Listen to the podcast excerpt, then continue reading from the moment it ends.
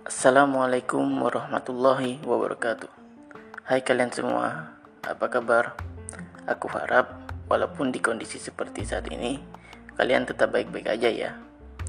Kenalin dulu, aku Muhammad Ridho Saputra Calon mahasiswa baru Institut Teknologi Sumatera dari Prodi Perencanaan Wilayah dan Kota. Dengan NIM 12122 Aku tinggal di sebuah tempat yang dikenal dengan negeri Laskar Pelangi dan merupakan tempat kelahirannya seorang penovelis yang biasa kita kenal dengan panggilan Andrea Hirata. Nah, perkenalannya udah selesai nih. Kita langsung ke inti pembicaraannya aja ya. Setiap mahasiswa pasti punya plannya masing-masing, selama atau bahkan setelah menempuh pendidikan.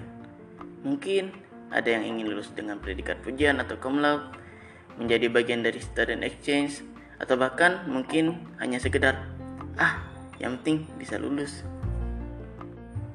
Nah, di sini aku ingin nyeritain sedikit plan aku ketika aku sudah menjadi seorang mahasiswa. Yang pertama, aku ingin lulus tepat waktu. Ya, mungkin ini adalah impian dari kebanyakan atau bahkan semua mahasiswa.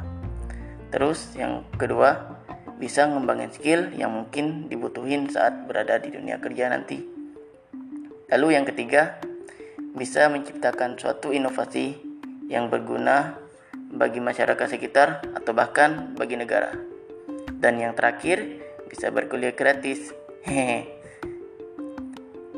Mungkin itu aja sih plan aku ketika aku sudah menjadi seorang mahasiswa. Terima kasih ya yang udah mau dengerin sampai akhir. Jangan lupa untuk selalu bersyukur dan stay safe. Dadah. Assalamualaikum warahmatullahi wabarakatuh.